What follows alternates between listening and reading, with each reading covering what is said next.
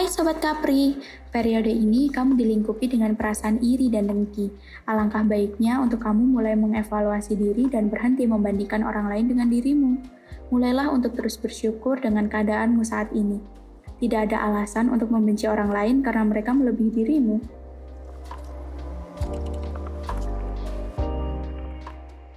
Percintaan untuk Sobat Capri yang masih single.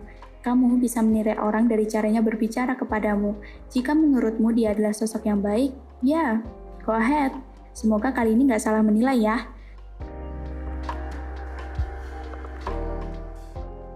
Percintaan Sobat Capri, Lovebird. Pasanganmu adalah sosok yang bisa diandalkan, tapi bukan berarti itu menjadi alasan kamu untuk tidak mandiri ya.